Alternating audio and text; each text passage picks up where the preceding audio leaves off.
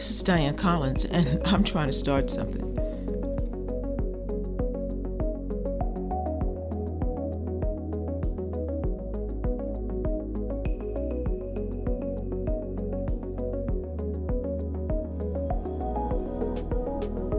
What am I going to start? Who am I going to help?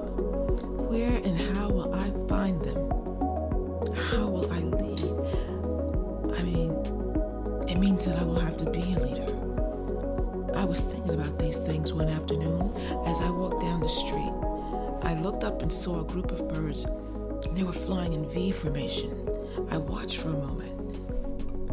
And I thought, who was in that group? Is it moms, dads, friends, grandparents?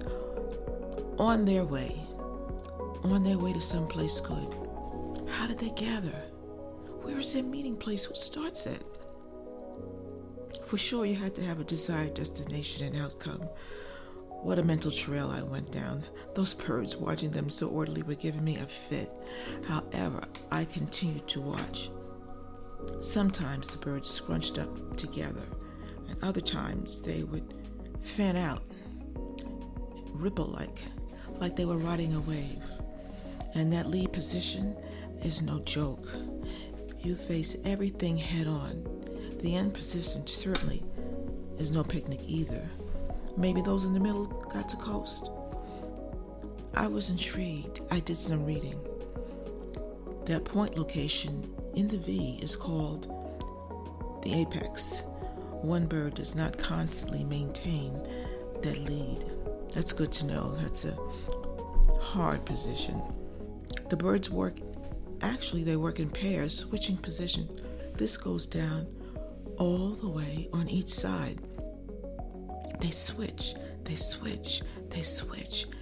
Everyone gets to occupy all positions from top to the bottom. And even more, no one gets to convey, I can't do this or I can't do that.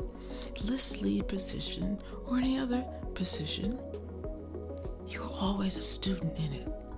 And I read that in their world, the animal kingdom, they will step up even if it is to their detriment to support the group. They will even alter their bodies to suit the circumstances.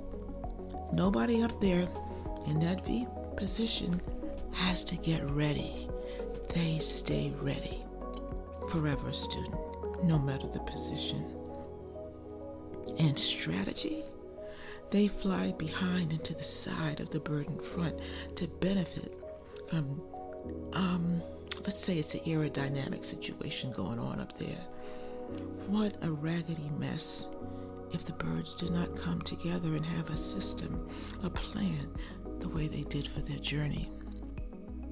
Words that I gathered that I hope will fit in my group include rise, soar, glide, power, commitment, and that almighty word, communicate.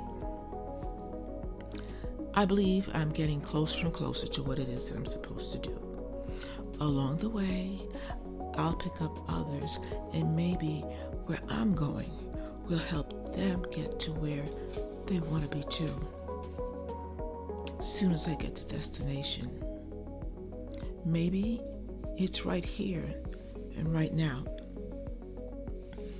Those birds gave me examples to pull from. I have no doubt that I'll attract my community. I'll have the support of my community. For the moment, I'm the leader. I'm the leader. I've got to get in practice saying that. You know, guys, that's hard for me to say. I can't say that this is not my wheelhouse. I'm going to follow the birds on this and put myself out there. Soon as I pick up my people, we can get going. And along the way, we'll switch, switch, switch. We will empower each other because all have the ability to lead. So, let's get started.